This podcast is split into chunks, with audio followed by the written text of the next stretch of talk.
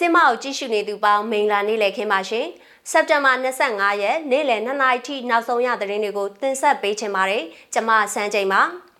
အင်းစိန်ထောင်အနီးမှာဘုံငါးလုံးပောက်ကွဲခဲ့ပြီးမြင်းနီကုန်းဂုံးကျော်တရားပေါ်မှာဒီနေ့မနေ့အစောပိုင်းမှာပြစ်ခတ်မှုဖြစ်ပွားတဲ့တဲ့ CDM မှာပါဝင်လာကြတဲ့ရဲတပ်ဖွဲ့ဝင်6000ကျော်ရှိလာတဲ့အကြောင်း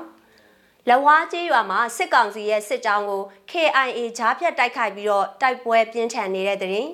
Sorry အာရီဗျအမျိုးသားနဲ့စစ်ရေးပြပွဲမှာပထမဆုံးဖြစ်အမျိုးသမီးတွေပါဝင်စစ်ရေးပြတဲ့အကြောင်းအပါအဝင်ပြည်တွင်းနဲ့နိုင်ငံတကာသတင်းတွေကိုတင်ဆက်ပေးပါရမယ်ရှင်။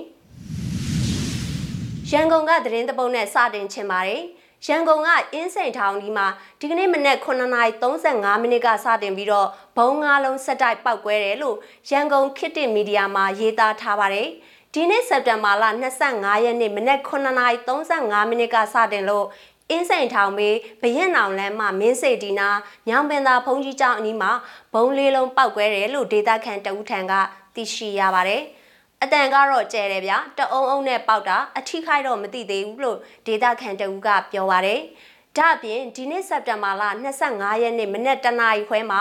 စမ်းချောင်းမြင်းဒီကုန်းခုံးကျော်တရားမှာပြစ်ခတ်မှုဖြစ်ပွားခဲ့ပြီးအတိမပြုနိုင်တဲ့သတင်းတွေအရလူတချို့သေဆုံးမှုရှိတယ်လို့သိရှိရပါတယ်။ တနက်တန်ဟာအချက်90ခန်းရှိပြီးတော့တိုင်မြင့်အိမ်တချို့ကိုကြီးထိမှန်ခဲ့တယ်လို့သိရှိရပါတယ်။ဒေတာသတင်းရင်းမြစ်ဖြစ်တဲ့စမ်းချောင်း information ကတော့စမ်းချောင်းပြစ်ခတ်တံတွေနဲ့အတူမြင်းနီကုန်းတရာအနီးကသွေးတွေကိုရေနဲ့ဆေးချတယ်လို့ဖော်ပြထားပါတယ်။ဒေသတချို့ကတော့ကားတစ်စီးနဲ့လူငယ်တချို့ကစစ်သားတွေကိုလာရောက်ပစ်ခတ်ပြီးတော့စစ်သားတွေရဲ့ပြန်လည်ပစ်ခတ်တာကြောင့်လူငယ်တချို့သေဆုံးတယ်လို့လည်းဆိုပါတယ်။ ဒီနေ့မနက်ပိုင်း၈နာရီထိမြင်းနီကုန်းတရားကိုစစ်တပ်ကပိတ်ထားခဲ့ပြီးမနက်9နာရီခွဲမှပြန်လည်ဖွင့်လှစ်ပေးခဲ့တယ်လို့သိရှိရပါတယ်ရှင်။စစ်အာဏာရှင်စနစ်ဖိစံရေးလှုပ်ရှားမှု CDM မှာပါဝင်လာကြတဲ့ရဲတပ်ဖွဲ့6000ကျော်ရှိလာကြောင်းသိရပါတယ်။ ဖေဖော်ဝါရီတရက်ကနေဒီနေ့အထိ CDM လှုပ်ရှားမှုမှာပါဝင်လာတဲ့ရဲတပ်ဖွဲ့ဝင်ဦးရေ6000ကျော်ရှိလာပြီးစစ်ကောင်စီလက်အောက်ခံမြန်မာနိုင်ငံရဲတပ်ဖွဲ့ဌာနချုပ်က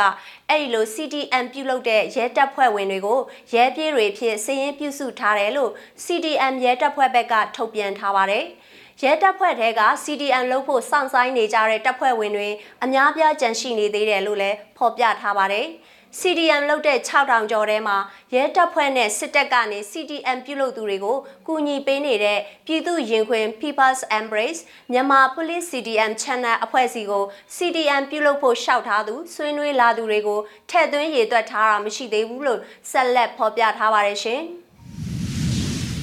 ကချင်ပြည်နယ်ကသတင်းနဲ့ဆက်ရရင်တော့ ဖားကန်းမြို့နယ်လဝါကျေးရွာဖုန်ကြီးကျောင်းအနီးမှာစစ်ကောင်စီဘက်ကနေစစ်ကြောင်းထိုးလာတဲ့စစ်သားတွေကိုကချင်လွတ်လပ်ရေးတပ်မတော် KIA ကနေဒီကနေ့မနက်6နာရီလောက်ကဂျားဖြတ်တိုက်ခိုက်ခဲ့ပြီးလက်ရှိတိုက်ပွဲပြင်းထန်နေတယ်လို့ဒေသအခြေစိုက် National Unity Media ရဲ့ဖော်ပြချက်အရသိရပါတယ်။စစ်ကောင်စီဘက်ကနေအင်အားအလုံးရင်းနဲ့စစ်ကြောင်းဆင်းလာချိန် KIA ဘက်ကနေစောင့်ပစ်တာဖြစ်တယ်လို့ဒေသခံတအုပ်ကပြောပါတယ်။ လက်ဝါးဖုန်ကြီးကျောင်းအနီးမှာပြန်ပစ်ကြတာဒီမနေ့6နာရီလောက်မှာအဲ့ဒီမှာစစ်တပ်ဘက်ကစစ်ကြောင်းထိုးလာတဲ့ချိန်စောင့်ပစ်တဲ့သဘောဟုတ်တယ်အခုလဲပြစ်တန်တွေကြားနေရဆဲပဲလို့ဒေတာခန်ကဆိုပါတယ်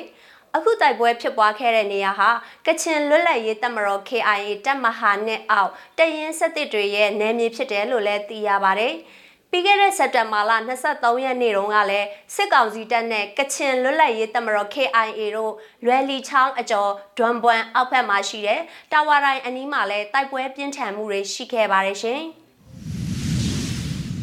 နိုင်ငံတကာဘက်မှာတော့ Saudi Arabia နိုင်ငံရဲ့တမိုင်းမှာပထမဆုံးအဖြစ်နိုင်ငံရဲ့အမျိုးသားနေ့စစ်ရေးပြပွဲမှာအမျိုးသမီးတွေပါဝင်ချီတက်စစ်ရေးပြခဲ့ပါတယ်။ Saudi Arabia 60နှစ်မြောက်အမျိုးသားနေ့ကိုဂုဏ်ပြုတဲ့အနေနဲ့ယာထူးအဆင့်အသီးသီးရှိတဲ့အမျိုးသမီးတပ်ဖွဲ့ဝင်တွေဟာတနအီကြာချီတက်စစ်ရေးပြမှုကိုပြုလုပ်ခဲ့တာပါ။ Saudi မြို့တော် Riyadh မှာပြုလုပ်တဲ့အခုစစ်ရေးပြသမှုကိုပြည်ထရေးဝန်ကြီးဌာနကဧည့်ခံဖျော်ဖြေရေးအာဏာပိုင်အဖွဲ့ချုပ် GEA နဲ့ပူးပေါင်းပြီးကျင်းပခဲ့တာဖြစ်ပါတယ်။ Jack Dash မြို့မှာလည်းအလားတူစစ်ရေးပြပွဲကိုဆင်နွှဲကျင်းပပါတယ်။စစ်သားတွေစစ်ချီတဲ့စစ်ရေးပြတာကိုဆော်ဒီနိုင်ငံသားနဲ့ဒေသခံရာပေါင်းများစွာကကြီးစုအားပေးကြပြီးဆော်ဒီအလံတွေကိုလည်းဝေယမ်းကြပြီးတော့ဂုံပြုကြွေးကြော်ကြပါတယ်။ Nick နဲ့ Hijab ဘရင်တိုင်းပြည်ကနေ1932ခုနှစ်မှာဘရင် Abdul Aziz ဆော်ရဲ့တော်ဝင်အမိန့်ပြန်တမ်းနဲ့ Saudi Arabia ဘရင်နိုင်ငံတော်ဖြစ်အမိပြောင်းလဲခဲ့တဲ့အချိန်မှဖြစ်နှစ်စဉ်စက်တင်ဘာ23ရက်နေ့မှာ Saudi Arabia အမျိုးသားနေ့ကို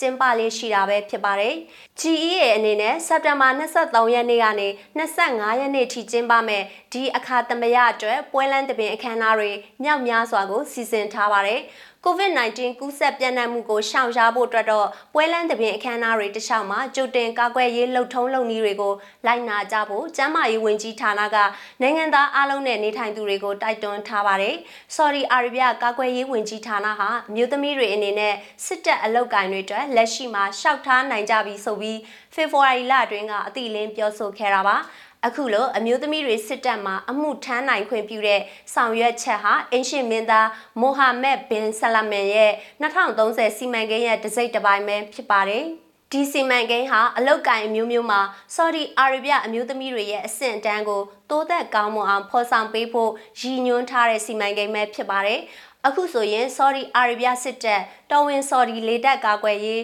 တော်ဝင် Saudi ရေတပ်တော်ဝင် Saudi မဟာဗျူဟာဒုံးကျည်တပ်ဖွဲ့နဲ့လက်နက်ကင်တပ်ဖွဲ့စေဝါဌာနတွေမှာအမျိုးသမီးတွေအမှုထမ်းဖို့စီရင်ပေးနိုင်ပြီလဲဖြစ်ပါတယ်။ Saudi Arabia အမျိုးသမီးတွေကိုရဲဘော် ဒုတက်ချက်တက်ချက်တက်ချက်ကြီးနဲ့အကြီးတန်းတက်ချက်ကြီးတွေဖြစ်လူသစ်စုဆောင်းနေပြီဖြစ်ကြောင်းအစိုးရကပြောထားပါတယ်ရှင်။